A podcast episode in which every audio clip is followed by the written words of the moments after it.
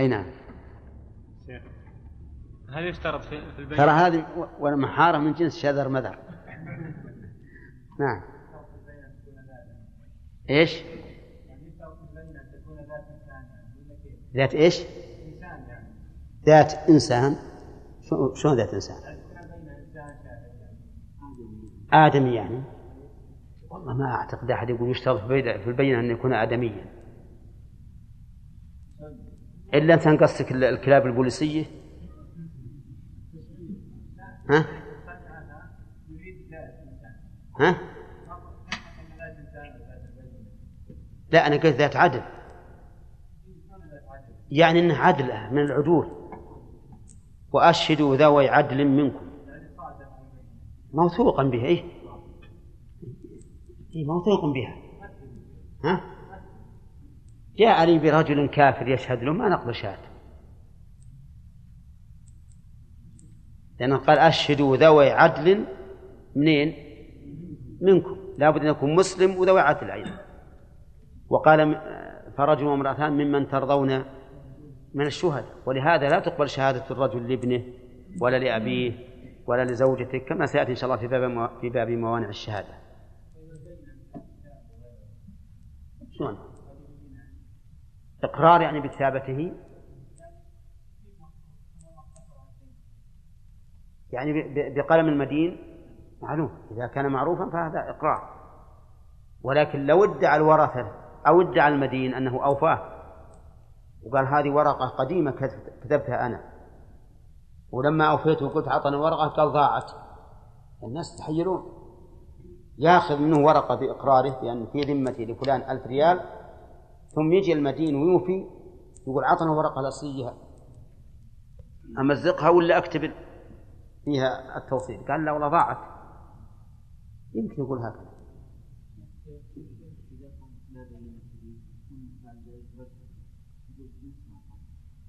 كيف؟ نعم. لا ما يمكن ما يمكن ابدا ما تقبل. إذا قل لي. اللهم إلا أن يقيم دعوة جديدة فهذا شيء ثاني. ها؟ اي على كلام المؤلف؟ نعم. اي كاذب؟ ما هو كاذب. البينة وش تشهد عليه؟ لا لازم يكون عدول إذا قدح فيهم المدعى عليه يبين القدح. ها؟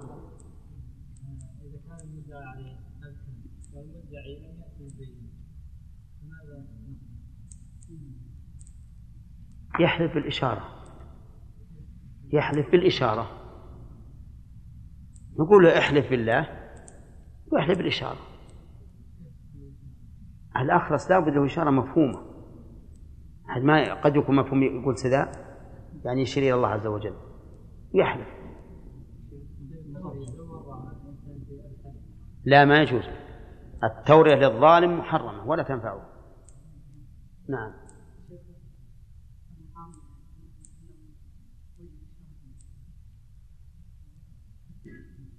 إيه.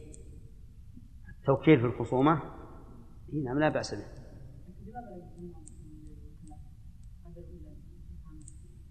الظاهر إن هذا إنه اصطلاح يعني قريب. هذا اصطلاح قريب. هو إذا لم يتصور أنه الخصم بنفسه ما استطاع أن يدافع. لكن بعض المحامين والعياذ بالله يحاول أن يقلب الباطل حقا. من أجل أن يأخذ المال وأن يبقي على مركزه وسمعته. ولا ولا عرف ولا شاف أنه ما في فائدة راح يطول المسألة. أرفعها للتمييز. ولجت إن التمييز قال ارفعوها للمجلس على القضاء. وقام يعطل المسائل ما يجوز هذا. أي إنسان يحامي عن شخص بالباطل فهو حرام عليه. نعم. نعم.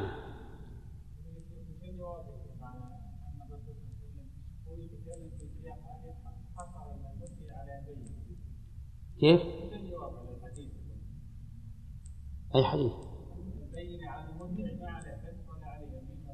نعم البينة على المدعي معناه إذا لم ينكر هذا الشيء يمكن هذا عموم يخصص.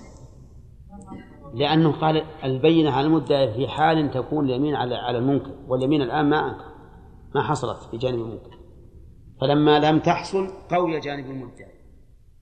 لأنه أحيانا يتعين على القاضي أنه يحدث المدعي أحيانا يعرف أن المدعي مبطل. وكثير من الناس يتخوف جدا من اليمين في الخصومة.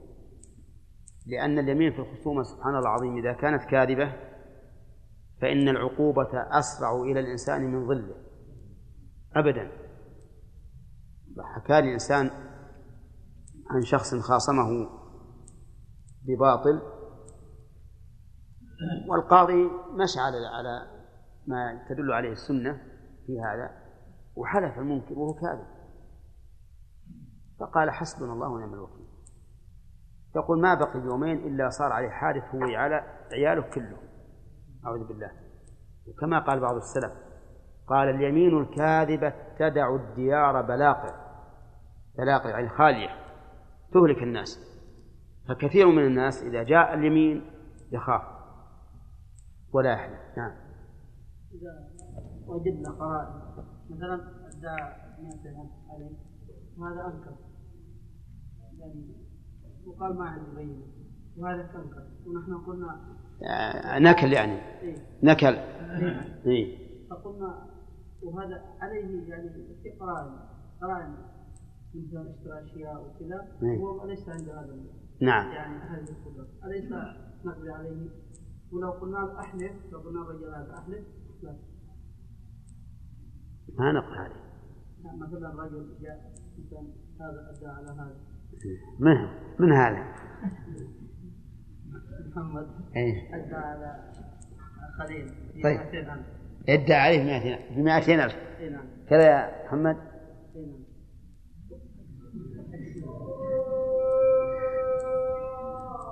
خلد ادعى محمد على خليل بمئتين ألف ريال. طيب. قلنا الخليل قلنا محمد ياتي ب- ببينة قال ما عندي بينة. طيب. قلنا هذا احلف قال ما. نعم. في بينه نعم. ونعرف أن هذا قد أسبق قد مكتب وقد كذا. يعني وأخذ أشياء وما كان عنده المبلغ الذي يأتي بهذه الأشياء. يعني هذا قرينة على أنه اخذ زين. وهذا يقول أنا أعطيته قبل شهر طيب. فأليس هذه هذه قرينة؟ أما على المذهب ما ما في قرار يحكم عليه بالنكول ما دام عين أبى أن يحلف مو بأبا خليل؟ اي نعم. أبى أن يحلف يحكم عليه بالنكول يقال سلم 200 ألف. ما ما في إشكال. وعلى القول الثاني يحكم عليه بالنكول بعد أن يحلف محمد ما يخالف. هم قلنا يرجع للقاضي أما قلنا القول الراجح أن الاحتمال الذي ذكرنا أنه يرجع للقاضي. إذا رأى أنه يحلف حلف. لأن خليل جائز يقول أنا ورثته من أبي مثل جاءني من من صاحب لي من صديق لي. وجدت كنز في الأرض. يعني ما أجد رزق إلا من طريق محمد. ها؟ يجيب؟ الظلم ما عليك ما يحلف ما عليك منه يقول أديته ما ما ما يحلف على هذا على كل حال المسألة واضحة ما فيها إشكال الآن يعني يقضى عليه بالنكول إذا عين لا يحلف لكن المشكل إذا حلف إذا حلف خليل هذه مشكلة نعم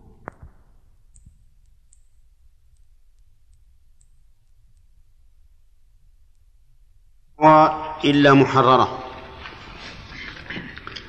الدعوة هي ادعاء الإنسان على غيره حقا أو براءة من حق. يعني أن يدعي على غيره حقا فيقول أنا أطلب فلانا كذا وكذا. أو براءة منه بأن يدعى عليه فينكر فهذه أيضا نوع من الدعوة وإن كانت تسمى إنكارا. فالدعوة إذن إما أن يدعي الإنسان أن له على فلان شيئا أو يدعي عليه أنه أبرأه من كذا أو ما أشبه ذلك. ولكن الأخيرة يسمي يسميها العلماء إيش؟ يسميها إنكارا. الدعوة أولا ينظر إليها من ناحية الجواز. هل يجوز للإنسان أن يدعي على غيره حقا؟ الجواب نعم. إذا كان ثابتا فله أن يدعي عليه حق. أما إذا كان ظلما فإن النصوص كثيرة في عقوبة من ادعى على غيره شيئا باطلا. يقول النبي عليه الصلاة والسلام من اقطع من اقتطع مال امرئ مسلم بيمين هو فيها فاجر لقي الله وهو عليه غضبان. والنصوص في هذا كثيرة. فإذا جازت الدعوة فلا بد لها من شروط. الشرط الأول أن تكون محررة وتحرير الشيء بمعنى تنقيته عن كل شوائب وذلك بأن يذكر جنس المدعى به. جنسه ونوعه وصفته وقدره حتى يبقى متميزا ظاهرا محررا مخلصا من شوائب الجهل. وهذا هو معنى قوله معلومة معلومة المدعى به. فلا يكفي أن أقول أن يقول المدعي أنا أدعي عليه طعاما. هذه دعوة غير مسموعة. ولا تصح حتى يحررها فيقول برا أو رزا أو ما أشبه ذلك. ولا يكفي هذا أيضا حتى يقول إنه إن قدره كذا وكذا مئة صاع مئتي صاع وما أشبه ذلك. ولا يكفي هذا أيضا حتى يضيف إليه ذكر الجودة الوصف الجودة والرداءة وما أشبه ذلك. فالمهم لابد أن تكون محررة من جميع الجوانب من كل وجه. طيب لو ادعى عليه بعيرا أدعي عليه بعيرا هكذا. نعم. ما تسمع. لأنها مبهمة. لأنها مبهمة. حتى يبين. فيقول بعيرا آه، رباعية ثنيا وما أشبه ذلك. صفتها كذا وكذا جنسها كذا وكذا حتى يبين ويحرر. هذا ما ذهب إليه المؤلف. وقيل تصح الدعوة غير محررة وتسمع ويسمعها القاضي ويطلب من المدعي تحريرها. يدعي من يطلب من المدعي تحريرها. فإذا قال أدعي عليه بعيرا يسمع. ولكن يقول صفها اذكر نوعها جنسها وما أشبه ذلك. وهذا أصح لا, لا سيما في الأمور التي تحتاج إلى دقة وصف. مثل لو قال أنا أدعي عليه أرضا أدعي أن هذا الملك لي أدعي أن الملك الذي بيده يتصرف فيه لي. تسمع الدعوة. ثم بعد ذلك يطلب من إيش؟ من المدعي أن يحررها ويميزها لأنه لا يمكن الحكم إلا بذلك إلا بتحريرها. طيب هل هناك دليل؟ استدل الفقهاء رحمهم الله في قول الرسول عليه الصلاة والسلام إنما أقضي بنحو ما أسمع. والقضاء لا يمكن إلا بعد معرفة المقضي به وإلا فإنه لا يمكن القضاء بشيء مبهم. قال المؤلف معلومة المدعى به. هذا مع هذا من التحرير أن تكون معلومة المدعى به جنسا وقدرا ووصفا. فإن لم تكن معلومة المدعى به فإنها لا تصح ولا تسمع. والصحيح كما قلنا أنها تصح ويطلب من المدعي أن يحررها. لأن القاضي لا يمكن أن يلزم بشيء إيش؟ بشيء مجهول. ولا يتأتى الإلزام بشيء مجهول. قال المؤلف إلا بما نصححه مجهولا كالوصية. فتصح الدعوة به ويحكم القاضي بها ثم يعطى ما يترتب على ذلك. فالوصية تصح بالمجهول. تصح بالمجهول. مثل لو أوصى له من ماله بشيء. أوصى له من ماله بشيء. كلمة بشيء مجهول. والوصية عند الفقهاء رحمهم الله صحيحة. ولو كان مجهولا. لكن ماذا نعطيه من المال؟ قالوا يعطيه الوارث ما شاء. مما يطلق عليه أنه مال. فلو أعطاه درهما من مئة مليون درهم صح؟ لماذا؟ لأنه يطلق عليه الشيء. ولو أعطاه ثوبا من ثيابه صح لأنه يطلق عليه أنه شيء. يطلق عليه أنه شيء.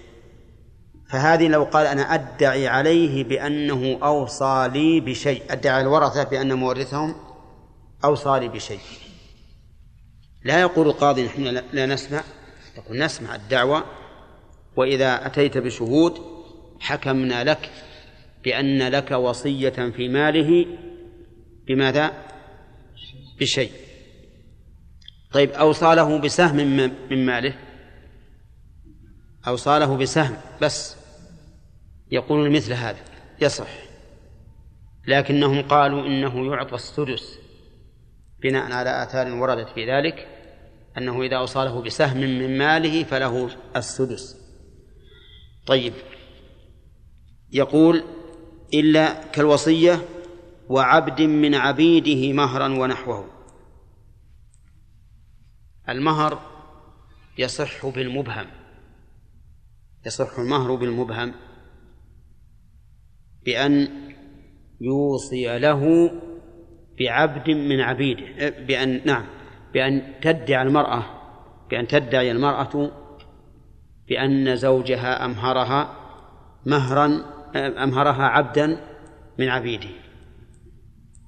تصح هذه الدعوة ولا لا؟ تصح. لماذا؟ لأن المهر يصح بمثل هذا. إذا ما صح أن يكون عوضا أو أن يكون مستحقا صحة الدعوة به لأن الدعوة فرع على صحة العقد طيب إذا أم إذا خالعت على عبد من عبيدها أو شاة من قطيعها خالعت هي. فادعى الزوج بأن الزوجة خالعته على ذلك. نعم. تصح دعواه ولا لا؟ تصح. وتلزم المرأة بإعطائه عبدا من عبيده وحينئذ يرجع فيه إلى ما ذكره أهل العلم في هذا الشيء. إذن الوصية لا تصح إلا محررة. ومن المحررة المميزة الموضحة التي لا يظهر فيها اشتباه. والدعوة قصدي الدعوة. المح... التي لا يحصل فيها اشتباه وذلك بأن تكون معلومة المدعى به جنسا وقدرا ووصفا. أو نقول نوعا. نعم. إذا قلنا نوعا دخل الجنس. فإما أن تقول جنسا ونوعا وقدرا ووصفا وإما أن تقول نوعا وقدرا ووصفا. الدليل قوله صلى الله عليه وسلم إنما أقضي بنحو ما أسمع. ولا يمكن القضاء هذا أيضا تعليل إلا بما كان معلوما ليتأتى الإلزام به. لأن القاضي كما مر القاضي مخبر وحاكم وفاصل. ولا يمكن الحكم إلا بشيء معلوم وملزم. ولا يمكن الحكم إلا والإلزام إلا بشيء معلوم. قال المؤلف فيها أيضا شرط. يشترط أن تكون منفكة عما يكذبها. يشترط في في في الدعوة أن تكون منفكة عما يكذبها. فلو ادعى على شخص أنه سرق منذ عشرين سنة وعمر هذا المدعى عليه سبع عشرة سنة فإن الدعوة لا تصح. كيف لا تصح؟ ها؟ لأن لا, لا لأننا لو سمعناها لو سمعناها لكان معنى ذلك أن حكمنا على هذا الإنسان بأنه سرق قبل قبل أن يولد بثلاث سنين. وهذا شيء مستحيل. فإذا هذا شرط مجمع عليه. أن تكون منفكة إيش؟ عما يكذبها فإن قرن بها ما يكذبها لم تسلم بالاتفاق. طيب. أن يمكن الشرط الثالث أن تمكن المطالبة. أن أن تمكن المطالبة بالحق. فلو ادعى عليه بمؤجل من أجل إثباته. قال أنا أدعي عليه. بمئة تحل بعد سنة. تحل بعد سنة. فإن ذلك لا يصح. السبب لأن المدعي لا يمكن إيش؟ أن يطالب بذلك. حتى لو ثبت له ما أمكنه المطالبة لأنه مؤجل. إذا ماذا يقال له؟ يقال اصبر حتى يحل ثم بعد ذلك ادعي عليه وطالب أما قبل أن يحل فإننا لا نسمع منك هذا الدعوة هذه الدعوة لأن حقك لو ثبت الآن لم يمكن تمكنك المطالبة به. واضح يا جماعة؟ إذا يشترط شرط ثالث. ها؟ أن يمكن المطالبة به حالا. أن تمكن المطالبة به حالا. فإن فإن ادعى مؤجلا لم تسمع الدعوة حتى إيش؟ حتى يحل. وهذا الشرط فيه خلاف. والصحيح أنه تجوز الدعوى بالمؤجل لإثباته. لأن هذا المدعي يقول للقاضي أثبته لي وأنا ما أطالب الآن. أنا أقيه على على ما هو عليه. لكني أريد بالمطالبة إثباته خوفا من أن يموت الشهود الذي عندي أو ينسوا أو ما أشبه ذلك. وهذا وهذه لا شك أنها وجهة نظر صائبة. فإن المدعي له وجهة نظر وله حق في ذلك. فالصواب إذن أنها تصح المطالبة بالمؤجل إيش؟ لإثباته. والمدعي الآن لا يقول أنا مطالب به لأنه حتى لو قال أنا مطالب به ما يتمكن. لكن يقول أنا أريد منكم إثباته بأن هذا الرجل في ذمته لي كذا وكذا وإذا جاء وقت المطالبة طالبته. الشرط الرابع ذكر ذكر السبب. ذكر سبب الاستحقاق. فلا تصح الدعوة بدون ذكر السبب. وهذا أيضا محل وفاق. فلو ادعى الإرث وقال أنا وارث هذا الرجل الميت قلنا طيب وش, وش علاقتك به؟ وش صلتك به؟ قال بس أنا وارث. أدعي أني أنا مستحق ماله بالإرث. فإننا لا نسمع الدعوة. وإلا لكان كل واحد يجي إذا خب إذا خبر أن شخصا ليس له وارث وعنده ملايين جاء يركض يقول أنا وارثه. نقول لا بد من ذكر السبب. قال أنا وارثه لأني عمه لأني أخوه. أو امرأة تقول لأني زوجته أو رجل يقول لأني زوجها أو ما أشبه ذلك. فلا بد من ذكر السبب. فإن لم يذكر السبب لم تصح الدعوة. طيب. لو قال قائل اسمعوها واطلبوا السبب. نعم. لكان هذا وجيه وجيها. نقول نعم صحيح أن أنه لا بد من ذكر السبب ولا يستحق إلا بذكر السبب. لكن جعلنا ذلك شرطا في سماع الدعوة فيه نظر. فيه نظر. وإن كان بعض الفقهاء قالوا إن هذا لا نزاع فيه لكن ينبغي أن أن أن يكون فيه نزاع. لأن نقول اذكر نعم نقول نسمع الدعوة ثم نطالبه بالسبب. أما لو جاء وقال أنا وارثه إن بسرح قدم بأنك أنت وارث بسبب أنك تتصل به من من الناحية الفلانية من قرابة أو نكاح أو الخامس ذكر الشروط. ذكر الشروط. فلو ادعى عقد بيع أو إجارة أو نكاح أو غير أو وقف أو غير ذلك فلا بد من ذكر الشروط. وأشار إلى المؤلف بقوله وإن ادعى عقد نكاح أو بيع أو غيرهما فلا بد من ذكر شروطه. فلا بد من ذكر شروطه. فلا يكفي أن يقول إن فلانا أدعي أن هذا الرجل باع علي ملكه ملكه. حتى يبين شروط صحة البيع. حتى يبين شروط ذكر شروط صحة البيع. فيقول باعه علي وهو مالك له بثمن معلوم. ويذكر بقية الشروط. عرفتم؟ لماذا؟ لأن الحكم بالشيء فرع عن تصوره وإذا لم نتصور هذا الشيء كيف وقع؟ فإنه لا نحكم فإننا لا نحكم به.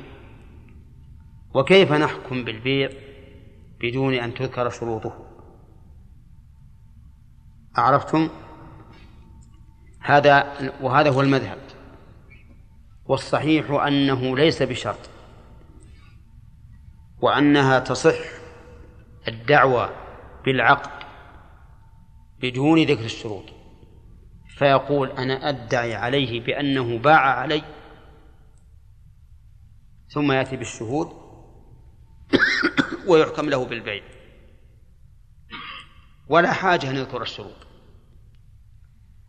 طيب لو ادعى المدعى عليه اختلال شرط من الشروط أو وجود شيء من الموانع. فحينئذ تكون دعوة جديدة. والأصل ما هو؟ الأصل الصحة وأن هذا العقد جار على مقتضى الشرع وأنه لا مانع. فنطالب المدعي بعد أن نحكم بصحة البيع نطالبه بما يدعيه من انتفاء شرط أو وجود أو وجود مانع. واضح يا جماعة؟ طيب. مثال ذلك ادعى شخص على آخر بأنه باع عليه الأرض الأرض الفلانية وأتى بالشهود وحكم القاضي بصحة البيع. على المذهب الحكم ها؟ غير صحيح. غير صحيح. لا بد أن يعرف أن هذا البيع وقع من أهله بشروطه. والصحيح أنه يصح لكن للمحكوم عليه صاحب الأرض أن يدعي انتفاء شرط من الشروط أو وجود مانع. فله مثلا أن يقول نعم أنا بعت عليه الأرض لكن لم يكن قد رآها. ومن شروط صحة البيع في الأرض ونحوها أن يكون قد رأى المبيع. قد رأى المبيع. هنا الآن نقول هذه دعوة دعوة جديدة. هذه دعوة جديدة. فما هو الأصل؟ الصحة أو الفساد حتى يقوم دليل الصحة؟ الصحيح وهو المذهب أن الأصل الصحة. حتى يقوم دليل الفساد. فنقول البيع تم والأصل فيه الصحة ولا يمكن أن ينقض. لا يمكن أن ينقض. كذلك لو ادعى وجود مانع. قال نعم أنا بعت عليه لكن بعد أذان الجمعة الثاني. والبيع بعد الأذان بعد أذان الجمعة الثاني ممن تزمه الجمعة لا يصح. فقال نعم أنا أقر بالبيع لكن وجود مانع. نقول هذه دعوة جديدة. والأصل إيش؟ الصحة وعدم وجود المانع. المهم أن هذا الشرط الخامس في الدعوة مختلف فيه. فالمذهب أنه لا بد من من ذكر الشروط والصحيح أنه ليس بشرط وهذا اختيار موفق و والشارح. الموفق صاحب أصل هذا الكتاب وهو أبو محمد عبد الله بن أحمد بن قدامة رحمه الله من أئمة المذهب وكذلك الشارح الذي شرح المقنع شرح أصل هذا الكتاب اختار اختار الرجلان أنه لا يشترط ذكر الشروط وفصل بعض العلماء فقال يشترط في النكاح ذكر الشروط وفي غيره كالبيع والإجارة والرهن وغيرهما وغيرها لا يشترط والصحيح أنه لا فرق. وأن من ادعى عقدا فأقام بينة حكم له بمقتضى هذه البينة والأصل الصحة والسلامة. قال المؤلف رحمه الله وإن ادعت امرأة نكاح رجل لطلب نفقة أو مهر أو نحوهما سمعت دعواه وإن لم تدعي سوى النكاح لم تقبل. لم تقبل هنا بمعنى لم لم تسمع. لم تقبل الدعوة أي لم تسمع. وفرق بين القبول والسماع. السماع معناه أن أن يتقبل القاضي الدعوة وينظر فيها. والقبول أن يقبل قول الخصم. إذن نقول هذه المسألة لم تقبل أي لم تسمع. هذه امرأة ادعت على رجل أنه زوجها. ادعت أنه زوجها. قالت يلا أن أنت زوجي. أو قالت أنا زوجتك. قال أبدا ما أعرفك ولا تعرفينه. قالت لا أنت زوجي.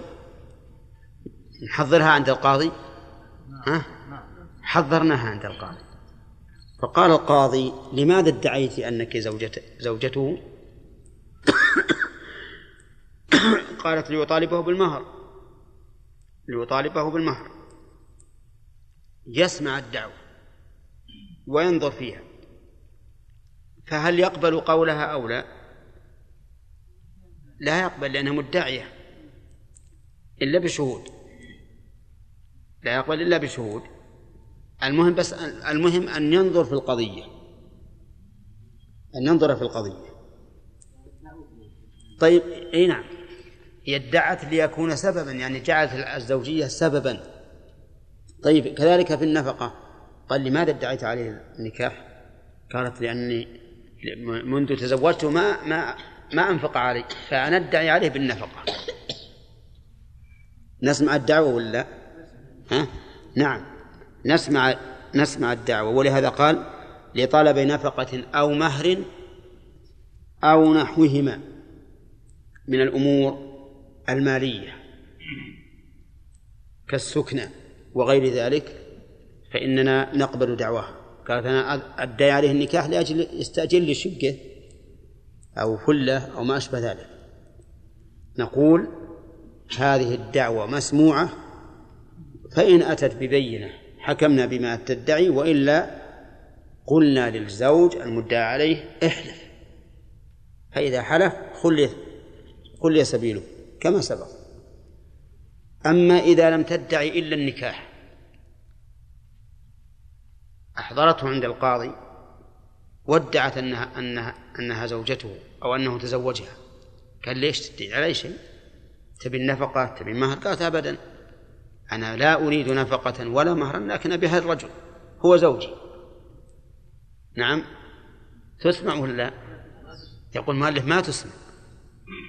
ما تسمع. لأن الحق لها ولا له لو لو كان لها سمعت. الحق له. هو اللي يطلبه لو كان زوجته. امرأة تلقى واحد بالسوق تقول تعال عن زوجي. يلا القاضي مشكلة هذه. فهي, فهي إذا لم تدعي سوى النكاح فقط أنه زوجها فإنها لا تسمع دعواها. قالت أنا ما أريد نفقة ولا أريد مهرا ولا أريد سكنا ولا أريد قسما ولا شيء أبدا أنا أريد بس أن تثبتوا أنني زوجته هذا الرجل. نقول لا نسمع الدعوة لأن الحق في النكاح ها؟ للزوج هو الذي يطالب وهو الذي يختار المرأة ويعقد ويعقد له عليها. ولكن في هذه الصورة لو قالت أنا أدعي عليه أن يفارقني أنا ما أبي له مهر ولا نفقة ولا غيره لكن أنا زوجته أدعي بذلك لأجل أن يفارقني. فهل تسمع الدعوة ولا لا؟ نعم تسمع. وهذه غريبة. ادعت شيئا لتفر منه. ادعت الزواج من أجل الفراق. لأنها تقول هو الرجل الآن لا يقول بأني زوجته. ولا يعترف بأني زوجته لكن أنا أريد أن أن يطلقني. لأني أعتقد أني زوجته وإذا كنت أعتقد أني زوجته لا يمكن أن أتزوج. نعم. وأنا امرأة أريد الزواج. فنقول في هذه الحال تسمع الدعوة. ويؤمر الزوج بالطلاق. قال الحمد لله. طلق. أنت الآن لا يضرك شيء. لا هو مأخذ منك مهر. ولا نفقة. ولا شيء. لكن طلق بناء على دعواها. نعم يقولون لا بد أن يطلق في هذه الحال ليفك أسرها. وفي الحقيقة هي هذه الكلام ذكروه في باب الإقرار في غير هذا المكان. فيه لا شك راحة للمرأة لكن فيه مشكلة أخرى. ما هي؟ أن كل امرأة تريد إيذاء شخص. نعم. تدعي عليه أنها زوجته. من أجل ها؟ من أجل أن أن توصله إلى القاضي وتجره إلى المحاكم. نعم. ما تريده شيء لا نفقة ولا مهر ولا سكنى ولا قسم ولا شيء شيئا أبدا. لكن تريد أن تتعب هذا الرجل عند المحاكم. فهي فهي من وجه يقوى القول بأنه لا بأس أن تسمع الدعوة ويؤمر بماذا؟ بالفراق ومن وجه آخر تقول إن عدم سماع الدعوة أولى. ويقال أنت الآن لست مزوجة بحسب الحكم الظاهر عند الله. الحكم الظاهر عند الله أنك غير مزوجة. ما ثبت أنك, أنك زوجة فلان. فلك أن تتزوج. فأيهما أولى؟ أن نعتبر هذه المسألة يعني مسألة أن بعض النساء قد يتخذ من هذا القول إضرارا التوصل إلى الإضرار بالرجال. كل امرأة تستطيع أن تدعي لأجل أن تتعب. هذا الرجل بإحضاره إلى المحاكم. ومن جهة أخرى أننا نرحم هذه المرأة التي جاءت معترفة بأنها زوجة فلان تريد أن تبرئ ذمتها. وأن تتخلص منه لتتمكن من الزواج. إذا قارنا بين بين المصلحة والمصلحة فإننا نرى أن الأقرب أن يلزم الزوج في هذه الحال بالفراق. واحتمال أن يكون قصدها الأذى وارد لكن أيضا احتمال أن تكون زوجته حقا. وارد ولا غير وارد؟ وارد. ودفع هذه المضرة أعظم من دفع الأولى والتي هي الأذية. وهذا الرجل نقول إذا كانت هذه المرأة قصدها الأذية فإنها لا شك سوف تجد عقابها إما في الدنيا وإما في الآخرة. أما أنت ففك خلاص لأن لأن احتمال صدقها وارد. الخلاصة الآن إذا ادعت المرأة أن فلانا زوجها هل تسمع الدعوة أم لا؟ فيه تفصيل. إن كان لأمر مالي نعم سمعت. كالمهر وش بعد؟ والنفقة والسكنى وغير ذلك. إن كان لمجرد أنها زوجته فإنها لا تسمع دعواها ولكن لو طلبت أن يحكم أن يلزم بالطلاق فلها ذلك. من أجل أن تتخلص من هذا الأمر التي هي تدعي أو تقر بأنها زوجته. نعم. يعني إلا ما, ما نحكم بصحته. يعني يجوز يجوز يعني قصد المؤلف رحمه, رحمه الله. يقول إلا الشيء الذي نصححه نحن العلماء.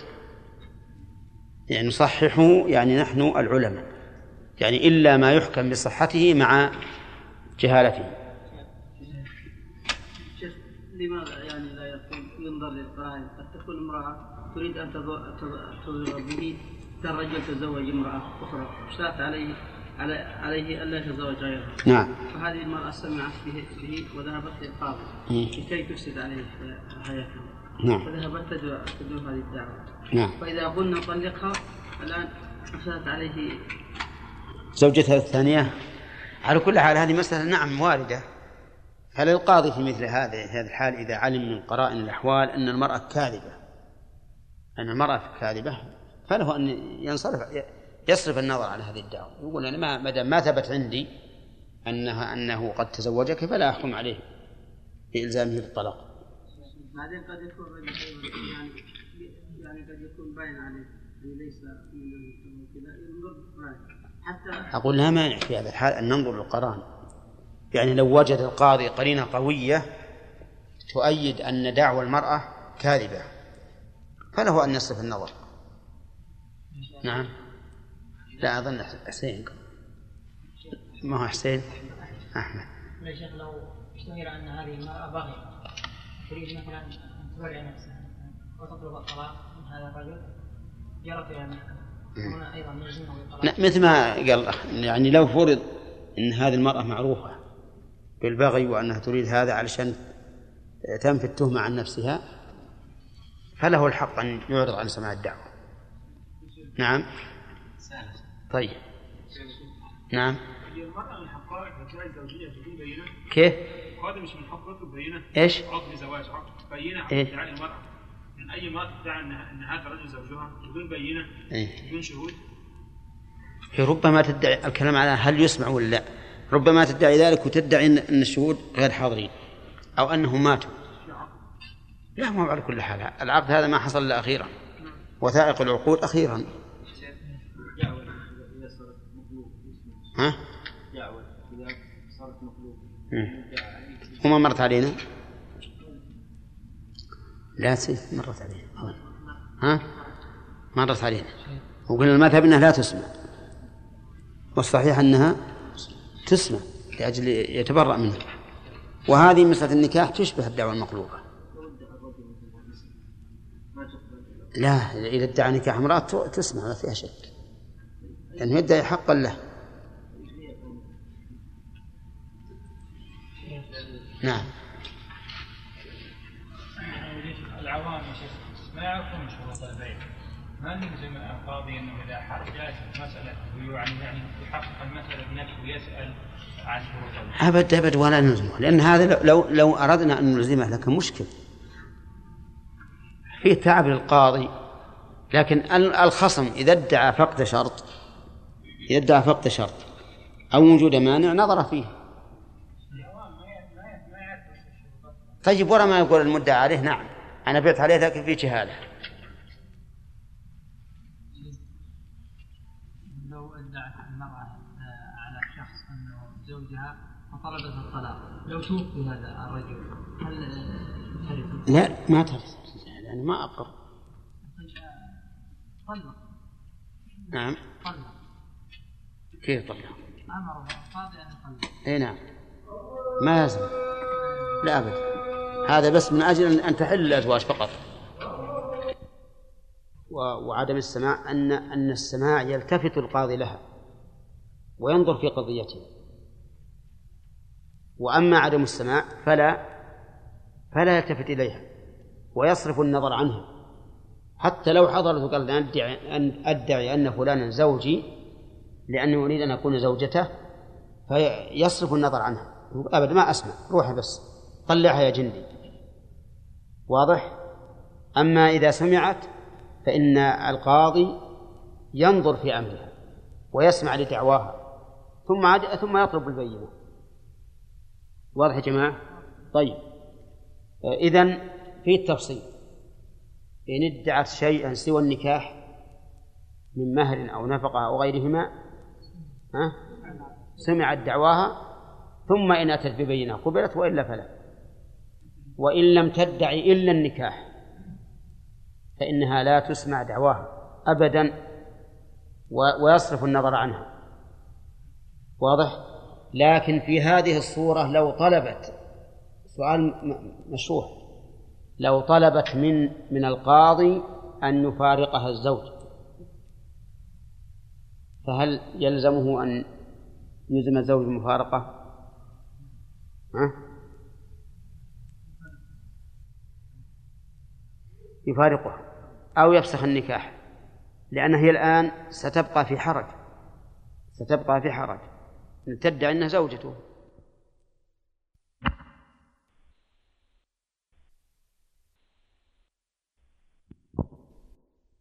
من تتزوج وهي تدعي أنها في عصمة رجل؟ فلينفي الضرر عنها يقال للزوج طلقها أو أو يفسخ النكاح. وإن كان الطلاق فرع عن صحة النكاح لكن من أجل دفع الضرر عنها يؤمر بالفراق. طيب. ثم قال المؤلف رحمه الله وإن ادعى وإن ادعى الإرث ذكر سببه. هذا مبتدأ درس اليوم. إن ادعى الإرث يعني بأن قال أنا وارث فلان. فلا بد من ذكر السبب. وأسباب الإرث ثلاثة. القرابة والنكاح والولاء فلا بد أن يقول أنا وارثه لأنني قريبه ولا بد أن يذكر جهة القرابة. نعم إن كان هناك مدع آخر. يعني لو كان رجلان كل منهما يقول أنا قريب فلان فلا بد في الدعوى أن يذكر جهة القرابة فيقول أنا عم أخ ابن أخ وما أشبه ذلك. إن لم يكن له منازع يكفي أن يقول إيش؟ أنا قريبه. ولكن هذا شرط لسماع الدعوة لأن هذا من تحرير الدعوة ذكر السبب من التحرير. هذا شرط لسماع الدعوة لا لثبوت الإرث لأنه لا بد أن نطالبه بماذا؟ ببينة تشهد بأنه قريب لهذا الرجل. طيب ادعى الإرث لأنه زوج. ماتت امرأة فجاء رجل فقال أنا وارثها. طيب بأي سبب؟ قال بالزوجية. فإن قال أنا وارثها فقط فإننا لا نسمع دعواه حتى يعين السبب. في الولاء مات عبد مملوك معروف أنه مملوك وأنه مولى لبعض الناس. فجاء رجل فقال أنا مولاه فقال أنا وارثه. نقول بأي سبب؟ بين السبب قال أنا مولى له. نسمع دعواه ولا لا؟ نسمعها ثم نطلب البينة. إذن إذا ادعى الإرث فلا بد من ذكر السبب. هل يشترط ذكر الشروط وانتفاء الموانع؟ ينبني على ما سبق. والصحيح أنه إيش؟ أنه لا يشترط. نعم.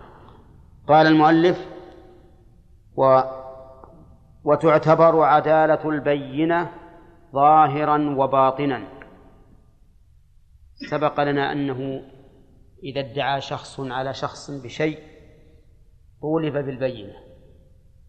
البينة في الشرع كل ما أبان الحق وأظهره فهو بينة. ولهذا تسمى الكتب النازلة من السماء تسمى بينات. لأنها تظهر الحق وتبينه. كذلك أيضا في باب القسامة اللي مر علينا في باب الجنايات في كتاب الجنايات تسمى العداوة الظاهرة. ها؟ لوثا وبينة. ولهذا يكتفى فيها بيمين المدعين. فالبينة كل ما أبان الشيء وأظهره فهو بينة. لكن البينة في الأموال أو في دعوى الأموال رجلان أو رجل وامرأتان أو رجل ويمين المدعي. في الأموال البينة فيها رجلان. لقوله تعالى فاستشهدوا شهيدين من رجالكم. أو رجل وامرأتان فإن لم يكونا رجلين فرجل وامرأتان. أو رجل ويمين المدعي لأنه ثبت في السنة الصحيحة الصريحة أن النبي صلى الله عليه وسلم قضى بالشاهد ويمين المدعي. البينة وهما الرجلان أو الرجل والمرأتان يعتبر فيها العدالة ظاهرا وباطنا. ظاهرا فيما يظهر للناس بحيث لا يظهر على الإنسان ريبة.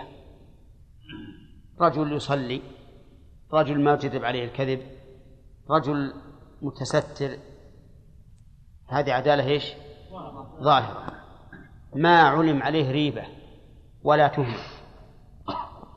لكن لا بد أيضا أن يكون أن تكون أيضا العدالة باطنا. يعني في باطن حاله في الأمر الخفي. وهذا لا يعرف إلا بمعاملة معه. معاملة يخبر بها المعامل باطن هذا الرجل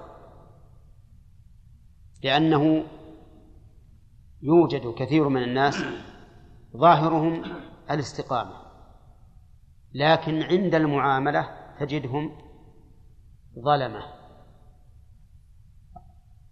غششة كذبة يحلفون الأيمان الكاذبة من أجل الدنيا وهذا كثير. فلا بد من العدالة ظاهرا وباطنا. وذلك بأن يختبر الإنسان بمعاملة لا تظهر للناس تكون بينه وبين الرجل فيعرف بها باطن حاله. إذن لا يكتفى بالظاهر في عدالة البينة. عرفتم؟ لماذا قالوا لأن الأصل في المسلم عدم العدالة. الأصل في المسلم عدم العدالة. لأن الله قال أشهدوا ذوي عدل منكم. ما قال أشهدوا اثنين منكم. وتخصيص الشاهدين بذوي العدل يدل على أن هذا وصف زائد على مطلق الإسلام. فلا بد من ثبوت عدالة. لأن عندنا إسلام وعندنا عدالة والعدالة وصف زائد على الإسلام والأصل في الوصف عدم عدم الوصف ولا وجود الوصف؟ عدم الوصف. ولهذا قال أكثر أهل العلم إن الأصل في المسلم عدم العدالة عدم العدالة. وهذا قد نقول إنه لا شك فيه بالنسبة لحق الآدم فلا نستبيح أموال الآدميين إلا بمن عرف بالعدالة ظاهرا وباطنا. أما فيما يتعلق بحق الله فإنه ينبغي أن يكتفى بالعدالة ظاهرا.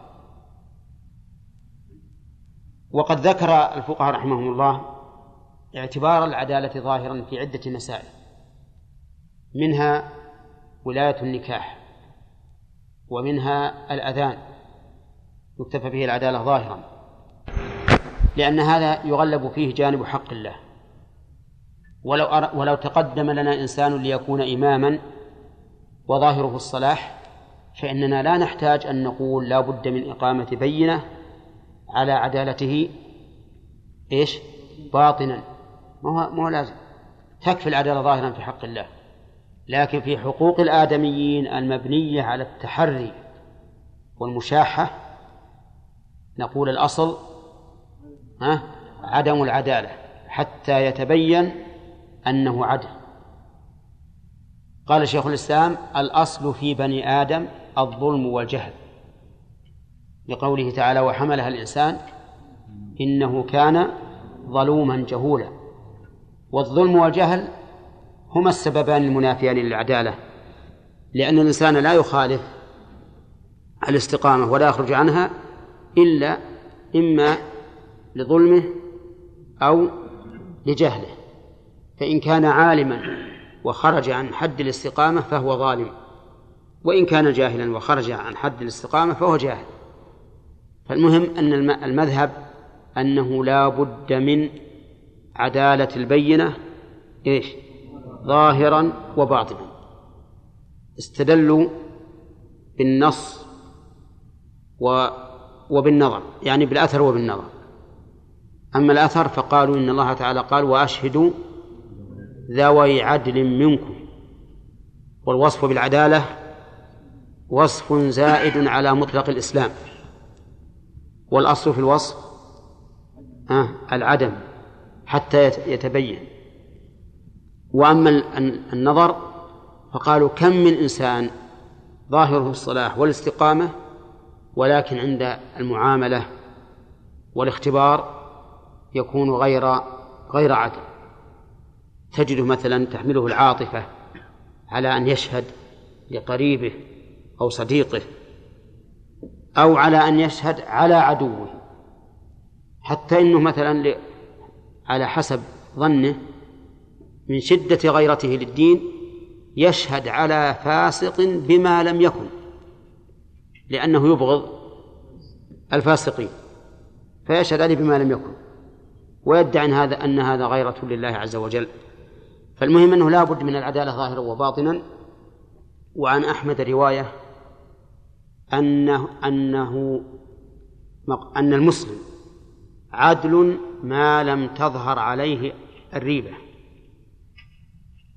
عدل ما لم تظهر عليه الريبة. وهذه الرواية تومي إلى أن الأصل في المسلمين إيش؟ العدالة. حتى يتبين ما يجرحهم.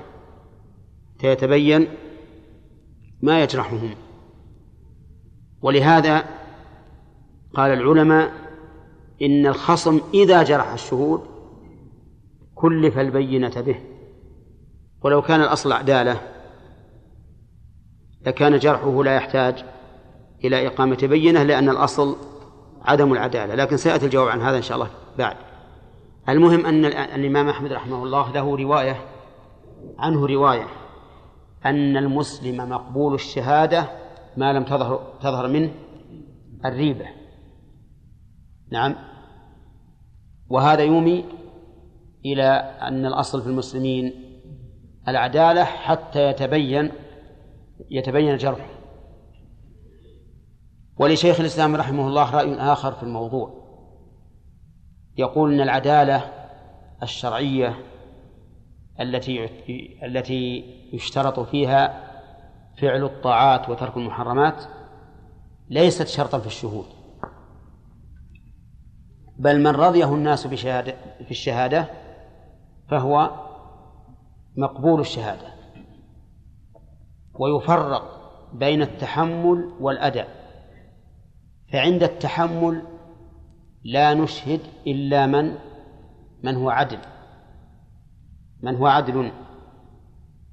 شرعا وعرفا. حتى لا نقع في ورطة فيما بعد. وعند الأداء نقبل من يرضاه الناس وإن لم يكن عدلا في دينه. فعلى رأي الشيخ تقبل شهادة الرجل المعروف بالغيبة إذا كان مأمونا في شهادته غير متهم. وعلى المذهب لا تقبل. على رأي الشيخ تقبل شهادة حالق اللحية إذا كان غير متهم في شهادته. وعلى المذهب لا تقبل. على رأي الشيخ تقبل شهادة من يأكل بالسوق في بلد لم تجري العادة فيه بالأكل في السوق.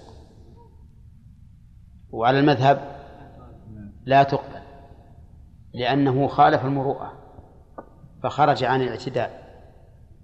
على كل حال كلام الشيخ رحمه الله جيد عند عند الضرورة إليه.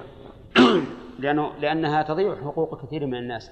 من من الناس اليوم الذي لا يغتاب أحدا؟ ها؟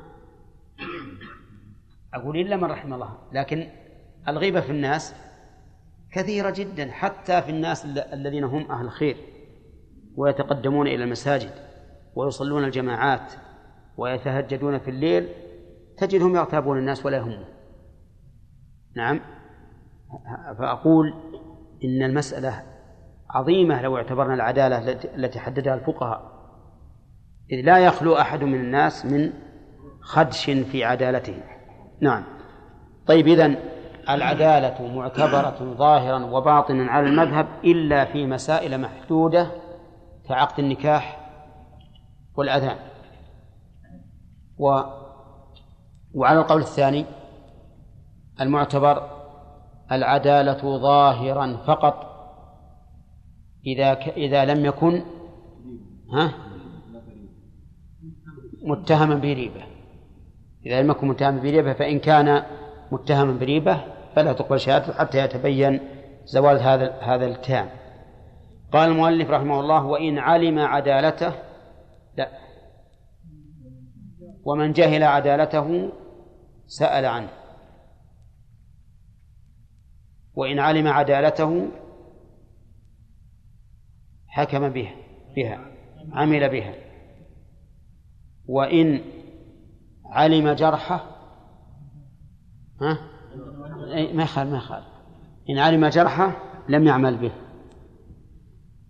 أحوال الشهود عند القاضي ثلاثة.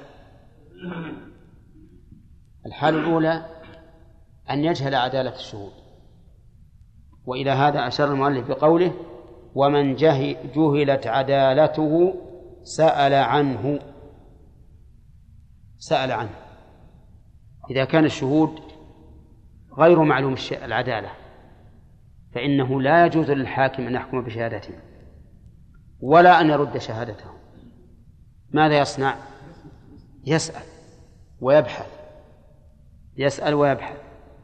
وقد ذكر الفقهاء رحمهم الله أنه ينبغي للحاكم أن يرتب من يسألون عن حال الشهود يعني يجعل له لجنة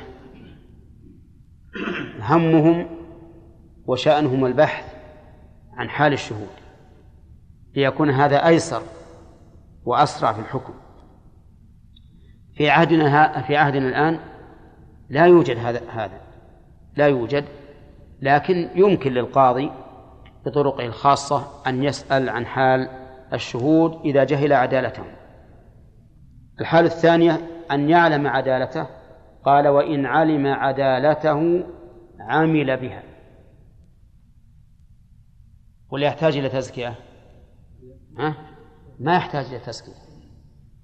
ولهذا يعني من من اللغو أن يشهد رجلان يعرف القاضي عدالتهما ثم يقول شهد فلان وفلان بكذا وكذا وزكاهما فلان وفلان وربما يكون المزكين أو المزكون أجهل عند القاضي من من الشاهدين وأظلم وأفسق نعم لكن هذا أصبح عملا روتينيا مثل العدد في الصلاة تعرفون العدد في الصلاة؟ ها؟ العدد في الصلاة لا موجود. أنا أنا أخبره لحقت عليه. إذا صارت بعد صلاة الفجر وانتهى الناس من التهليل والتسبيح بدأوا يعدونهم فلان اليوم موجود. فلان فلان فلان حاضر حاضر حاضر إلى آخره. حتى أنهم يعدون اللي جنب المؤذن دائما. ومرة من المرات عدى أحد العادين عد الإمام. نعم؟ قال له كيف تعدنا أنا. من اللي صلى بك؟ وكان أحد الم... في بعض ال... يعني حدثني أناس كثيرين متعد... مشهورة. كان الناس في الأول يعدوا ما عندهم سرج. السرج اللي عندهم يحطون غاز في حوض صغير وفيه فتيل ويشاهدون فيه. كان واحد من الناس ماسك السراج للي يعد بالورقة. فلما وصل اسمه عدوا. قال تعد وأنا اللي ماسك لك السراج فنفخه واطفاه وقال يلا. على كل حال أقول إن التزكية الآن في المحاكم من أجل السهولة وعدم التفريق بين الناس وإلا فإن القاضي إذا علم عدالة الشهود لا يحتاج إلى تزكية فطلب التزكية مع علمه بعدالتهم لغو من من من العمل. طيب يقول إن علم عدالته عمل بها. الحال الثالثة أن يعلم فسقه أن يعلم القاضي فسقه. فلا يعمل بشهادته بل يردها. بل يردها ولا حاجة إلى أن يطلب شهود الجرح لأنه يعلم عدالته فصار حال حال الشهود بالنسبة للقاضي ها ثلاثة أحوال. من علم عدالته ومن علم فسقه ومن جهل حاله. إن علم عدالته عمل بها وحكم. إن علم فسقه رده إن جهل سأل عنه. وهذه إحدى المسائل الثلاث التي يحكم فيها القاضي بعلمه. وتذكرون المسألتين الأخرين؟ المسألة الثانية إذا استفاض الأمر واشتهر بحيث استوى القاضي وغيره في علمه. والمسألة الثالثة ما كان في مجلس الحكم. فهذا أيضا يحكم به. نعم. قال وإن جرح الخصم الشهود كلف البينة به. إن جرح الخصم الشهود جرحهم أي ذكر أي وصفهم بما ترد به شهادتهم هذا الجرح. جرحهم أي وصفهم بما ترد به شهادتهم بأن قال هذا يشرب الخمر. هذا يسرق هذا يزن وما أشبه ذلك مما ترد به الشهادة. كلف البينة به أي ألزم بإقامة البينة. ألزم بإقامة البينة لسببين. السبب الأول حماية لأعراض الناس حتى لا يستطيل أحد على أحد بالجرح والسب. والثاني من أجل رفع الحكم أو من أجل منع الحكم بشهادة هؤلاء الشهود. صح؟ لماذا يكلف البينة؟ لسببين السبب الأول حماية لأعراض الناس حتى لا يتطاول الناس بعضهم على بعض. والثاني منع الحكم بشهادة هؤلاء الشهود.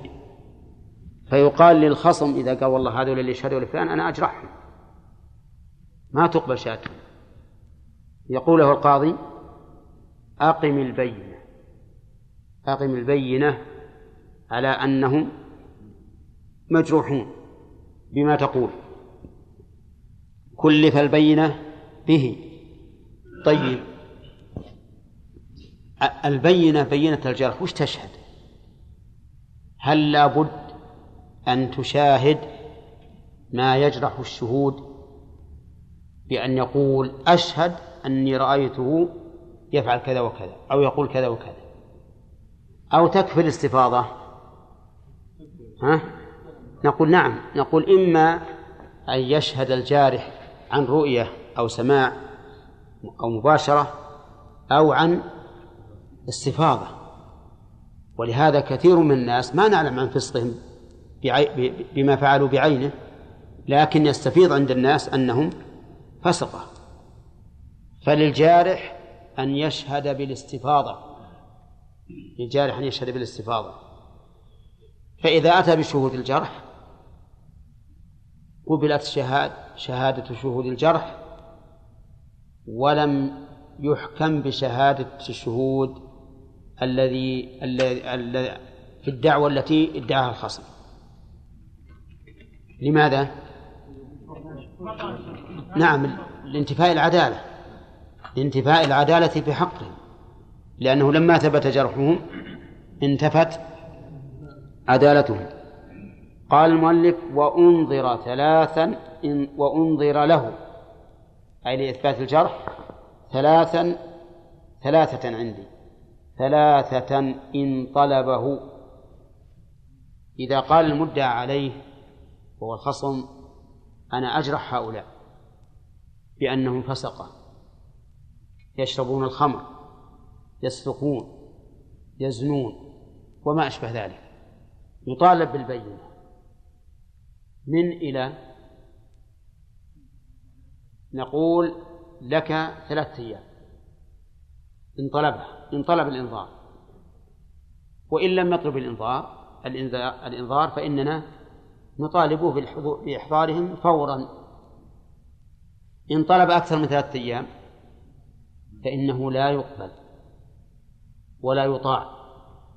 لما في ذلك من الإضرار بمن؟ بخصمه.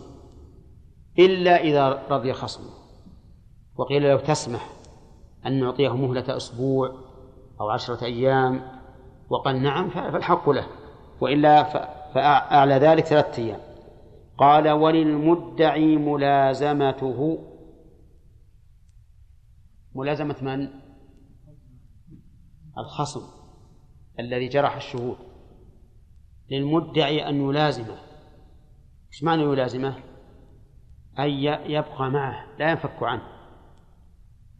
يروح يروح معه يتابعه يتابعه.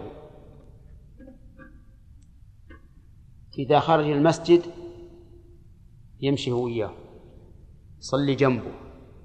إذا راح للبيع والشراء يروح وياه. إذا راح للمدرسة مثل لو كان في الجامعة طالب نعم يروح وياه. يجلس إلى جنبه في الكرسي. إذا دخل بيته يقف عند الباب إي نعم. لماذا؟ قالوا لئلا يهرب. لأنه يمكن أن يدعي الجرح ويقول هؤلاء مجروحون فيهم كذا وكذا من الفسق. ثم ينظر ثلاثة أيام وإذا خرج من المحكمة بتله. ما عاد يلقى يختفي. فللمدعي أن يلازمه. الملازمة في الحقيقة سهلة ولا صعبة؟ صعبة جدا. إذا كان الحق سهلا كعشرة ريالات مثلا يبي لازمه ها؟ ما يلازمه. لكن لو يكون الشيء صع يعني كبيرا فالملازمة عنده سهلة. إما أن يلازمه هو بنفسه ولا يواجه واحد من الناس يقول تعال أنا بعطيك كل يوم 100 ريال ولازم هذا الرجل. يلقى. نعم. لا سيما إذا كان هو ضعيف الجسم. لو لازمه يمكن يهرب ويخليه. يجيب له واحد جيد وقوي وشجاع. نمثل بواحد منكم ولا ما حاجة؟ ها؟ مثل من؟ مثل آدم. يلازمه. يلازمه حتى لا يتمكن من الهروب. قال وللمدعي ملازمته. إذا ملازمته إما بنفسه وإما بمن يقيمه مقام نفسه. مقام نفسه. فإن لم يأتي ببينة حكم عليه. صح. إذا لم يأتي ببينة تشهد بما, بما ادعاه من الجرح فإنه يحكم عليه. لأن الحكم الآن تمت شروطه وانتفت موانعه فلا بد من إقامته. ما يجوز أن يتخلف القاضي يقول بعد ننظر ثلاثة أيام أخرى أو ثلاثة أيام أخرى. ما يجوز يجب أن يحكم. حكم به؟ قال وإن جهل حال البينة طلب من المدعي تزكيتهم. لتثبت عدالتهم فيحكم له. سبق الكلام على قول من جهل عدالته سأل عنه. فإما أن يسأل بنفسه وإما أن يطلب من من من المدعي تزكيته يقول له رح. جيب شهود على تزكيته قال ويكفي فيها عدلان يشهدان بعدالته. يكفي فيها أي في التزكية. عدلان وكلمة عدلان تعني أنه لا بد أن يكونا رجلين فلا يقبل في التزكية رجل وامرأتان أو أربع نساء مثلا. لا بد من رجلين عدلين. طيب رجلين فاسقين. ها؟ لا يقبل تعديلهما. تزكيتهما ليش؟ لأنهما هما يحتاجان إلى تزكية. طيب يشهدان بعدالته. قال ولا يقبل في الترجمة والتزكية والجرح والتعريف والرسالة إلا قول عدلين. هذه خمس مسائل الترجمة والتزكية والجرح والتعريف والرسالة.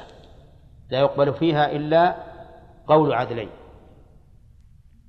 أما الترجمة فهي نقل معنى الكلام من لغة إلى لغة أخرى. نقل الكلام من لغة إلى لغة أخرى. ويشترط فيها شرطان أو ثلاث شروط. الأول علم المترجم باللغتين جميعا. أن يعلم المعنى باللغتين جميعا. المنقول منها وش بعد؟ والمنقول إليها. الثاني علمه بالموضوع. لأن العلم بالموضوع مهم بالنسبة للترجمة. فمن لم يكن عنده علم بالموضوع ربما يترجم اللفظ على غير المراد. فلا بد أن يكون عنده علم بالموضوع وهذا غير العلم بالمعنى. الشرط الثالث أن يكون أمينا. الشرط الثالث أن يكون أمينا. وهنا الأمانة الأمانة تؤخذ من قول المؤلف إلا قول عدلين.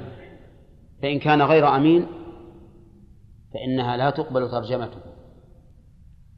المهم اشترط المؤلف للترجمة أن يقوم بها عدلا.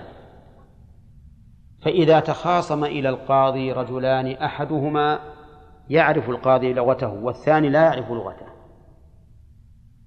يحتاج القاضي إذن إلى مترجم. هل يكفي مترجم واحد؟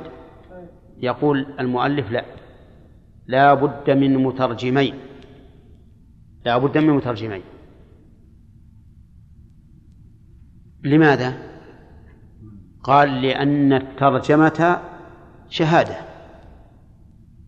فإن المترجم يشهد بأن هذا المتكلم أراد كذا وكذا. إذن الشهادة لا بد فيها من عدلين. قلنا إذا قلت كذلك فاجعل الترجمة مبنية على الشهادة. وقل إذا كانت الترجمة في أمر يحتاج إلى أربعة رجال كالزنا فقل لا يقبل إلا إلا أربعة. قال أصحابنا أهل المذهب نعم نلتزم بذلك. ونقول الترجمة فيما يشترط فيه أربعة لا بد فيها من من أربعة لأنها مبنية على الشهادة. فالإقرار بالزنا مثلا الإقرار بالزنا إذا كان المقر لا يعرف القاضي لغته فلا بد من إيش؟ من أربعة مترجمين يترجمون إقراره ليثبت عند القاضي. كما أن الزنا لا يثبت إلا بأربعة شهود وهذا هو المشهور من المذهب. والذي مشى عليه المؤلف قول على خلاف المذهب. لأن المؤلف رحمه الله مشى على أن الترجمة يكفي فيها قول عدلين مطلقا حتى فيما لا يقبل فيه إلا شهادة أربعة لأن الترجمة شهادة ليست على الفعل الذي لا بد فيه من أربعة بل شهادة على شيء لا بد من ثبوته. ثبوت هذا القول. وثبوت هذا القول يحصل بماذا؟ بشهادة اثنين. انتبهوا لكلام المؤلف. المؤلف يرى أن الترجمة وإن كانت في أمر لا بد فيه من شهود أربعة يكفي بها عدلان. لماذا؟ قال لأن الترجمة ليست شهادة على الفعل بل شهادة يقصد بها إثبات هذا القول الصادر من المقر. وإثبات القول يكفي فيه يكفي فيه عدلان. يكفي فيه عدلان. وما ذهب إليه المؤلف أقرب مما ذهب مما من المذهب. فيه قول ثالث لبحر العلوم شيخ الإسلام ابن تيمية. يقول يكفي في الترجمة واحد فقط لكن بالشروط الثلاثة اللي ذكرنا. العلم باللغتين وبإيش؟ وبالموضوع والأمانة. يقول لأن الرسول صلى الله عليه وسلم اتخذ مترجما واحدا في أمور عظيمة هامة. مثل اتخذ زيد بن ثابت رضي الله عنه مترجما للكتب الواردة من اليهود والصادرة إليهم فإن الرسول عليه الصلاة والسلام أمر زيد بن ثابت أن يتعلم لغة اليهود وتعلم لغة اليهود في ستة عشر يوم. ستة عشر يوم. أن الواحد يتعلم الحروف الهجائية في اللغة الإنجليزية كم يقعد؟ لا لا مو ست شهور. لا يقعد عشرة أيام يلا يعرفها نعم. لكن هو تعلم اللغة. إلا أن شيخ الإسلام يقول سبب ذلك أن اللغة العبرية قريبة من اللغة العربية. قريبة من اللغة العربية. فلذلك سهلت على زيد بن ثابت. على كل حال يرى شيخ الإسلام رحمه الله أنه يكفي في الترجمة قول عدل واحد وهذا الذي ذهب إليه هو الصحيح. فصار في المسألة ثلاثة أقوال. المذهب أنها مبنية على الشهادة والقول الثاني يكفي فيها قول عدلين والثالث قول واحد. طيب أفادنا المؤلف أنه ينبغي للإنسان أن يتعلم لغة غيره. مما تدعو الحاجة إلى تعلمه. فالقاضي إذا كان في أمة فيهم أناس كثيرون لغتهم غير عربية وهو عربي ينبغي له أن يتعلم لغتهم ليعرف خطابهم بنفسه لأنه مهما كان الإنسان ثقة لا يمكن أن تكون ثقتك به كثقتك بنفسك. أليس كذلك؟ طيب إذن ينبغي أن تتعلم اللغة. إذا كنت في قوم مختلط فيهم ناس لغتهم غير اللغة العربية. أما تعلمها أي اللغة غير العربية بدون بدون حاجة فهو من إضاعة الوقت. كما أنه يترتب عليه الميل الميل إلى قوم هذه اللغة إلى أصحاب هذه اللغة الميل إلى أصحاب هذه اللغة. وأما إذا إذا اعتاد التخاطب بها وأغفل اللغة العربية فهذا إما مكروه وإما محرم. فتعلم اللغات غير العربية إذا كان لحاجة لا بأس به. إذا كان لغير حاجة فهو لغو وإضاعة وقت ويخشى منه محبة أصحاب هذه اللغة. إذا كان ليستبدل به اللغة العربية نعم فهذا إما مكروه وإما محرم.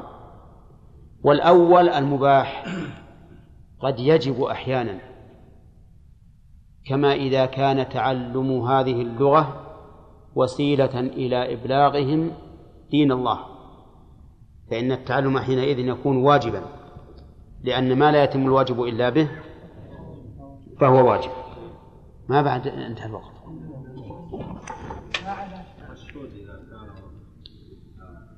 الله أو إيه؟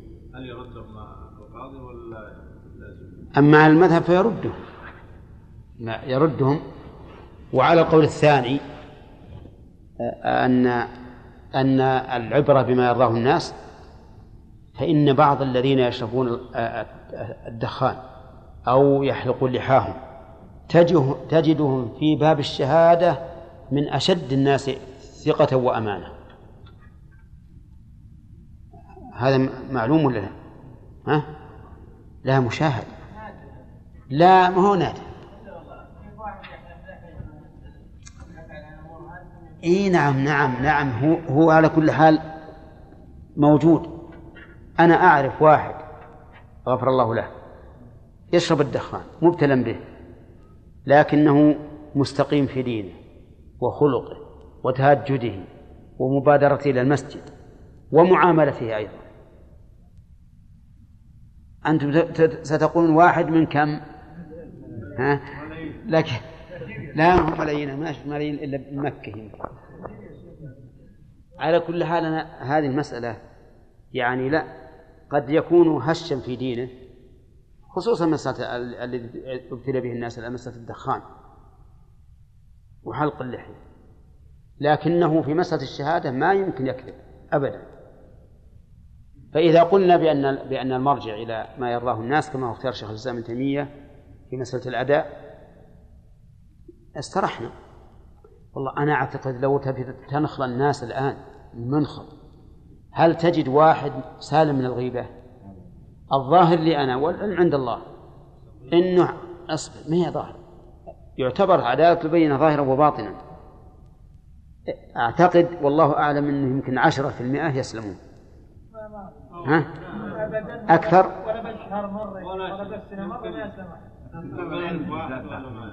إيه. إيه. هذا أجل الشيخ انه يكون ما يرتكب معصية ها؟ هل من شروط العدالة أنه ما يرتكب معصية؟ إيه معلوم أن لا يفعل كبيرة ولا يصر على صغيرة ها؟ كل المعاصي الصحابة عدول لأن لهم من من السوابق والفضائل ما يوجب مغفرة ما صدر منهم كما مر علينا في العقيدة ونقبل نأخذ درس جديد ولا يقبل في الترجمة والتزكية تزكية يعني نسبة الشيء إلى الزكاء والذكاء هو العدالة وضده الشقاء وهو الفسق. التزكية معناه أن ينسب الإنسان إلى الزكاة فيقال هذا زكي. التزكية لا بد فيها من عدلين على كلام المؤلف وعلى المذهب حسب ما حسب الشهادة. إن كان شهد في أمر لا بد فيه من أربعة فلا بد في تزكية من من أربعة. وعلى قول الثاني اختار شيخ الإسلام أنه يكفي فيها واحد لأن التزكية تعريف بحال المزكي. ما هي شهادة؟ تعريف بحاله. فإذا زكي كفى بذلك واحد ثم يحكم بشهادته.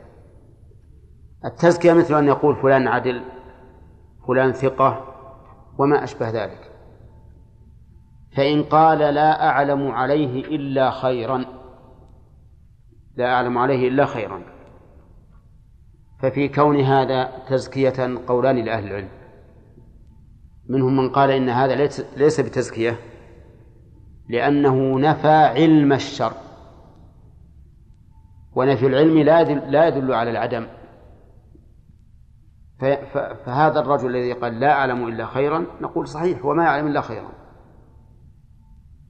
ولكن قد يكون هذا الذي قيل فيه لا نعلم عليه إلا خيرا يعمل شرا لا يطلع عليه هذا الذي قال فيه لا نعلم عليه إلا خيرا.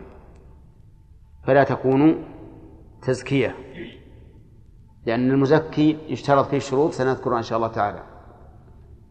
وقال بعض العلماء إنها تزكية تزكية اعتبارا بظاهر الحال. ولعل هذا الخلاف لعله يومئ إلى الخلاف فيما سبق. هل الأصل في المسلم العدالة أو الأصل عدم العدالة؟ وسبق الخلاف في هذا. أما إذا قال ثقة أو مقول الشهادة أو أو عدل أو ثبت أو ما أشبه ذلك فهذه تزكية بلا شك. طيب يشترط في المزكي أن يكون أمينا. فإن لم يكن أمينا فإن تزكيته لا تقبل لأنه هو نفسه يحتاج إلى من يزكيه. والشرط الثاني أن يكون ذا خبرة بباطن حال المزكى. يكون ذا خبرة بباطن حاله. بحيث نعلم أن بينه وبينه رابطة إما صحبة وإما جوار وإما معاملة طويلة تعرف بها حال المزكى فلا بد من خبرة. وهل يزكي بالاستفاضة؟ الجواب نعم له أن يزكي بالاستفاضة مثل أن يستفيض عند الناس أن هذا الرجل رجل مستقيم الخلق والدين فيشهد هو بعدالته بناء على الاستفاضة ولا بد من القول بأن بجواز التزكية بالاستفاضة لأننا الآن نحن نزكي الإمام أحمد بن حنبل والإمام الشافعي والإمام أبي حنيفة والإمام مالكا هل نحن عاشرناهم؟ ها؟ لا ما عاشرناهم ولا صاحبناهم ولكن بالاستفاضة. أمر مستفيض. حتى لو ما راجعنا كلام الناس فيهم فإنهم عندنا ثقات عدول بناء على على الاستفاضة. فصار الآن يشترط في المزكي أن يكون أمينا وأن يكون ذا خبرة بباطن حال المزكى. إلا أن يشهد أو إلا أن يزكي بناء على الاستفاضة فيكفي أن يكون هذا الشيء مستفيضا عند الناس. طيب ولا بد أيضا في الجرح لا بد في الجرح من عدلين يشهدان بجرحه الجرح نوعان نوع مفسر ونوع مجمل مبهم.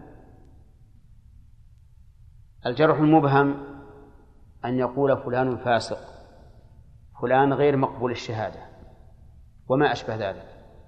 هذا جرح مبهم والجرح المفسر أن يقول فلان يشرب الخمر مثلا. فلان يشرب الخمر أو فلان يزني أو فلان يغش الناس. أو فلان يغتاب الناس. هذا جرح مفسر. الجرح بنوعين لا يقبل إلا من ثقة. لابد أن يكون أمينا وأن يكون عالما بحال المجروح أي ذا خبرة بحاله. أو شاهدا بما اشتهر من جرحه. يعني أن الشهادة بالجرح كالشهادة بإيش؟ بالتزكية. الشهادة بالتزكية. فلا بد فيها إذن من من عدلين.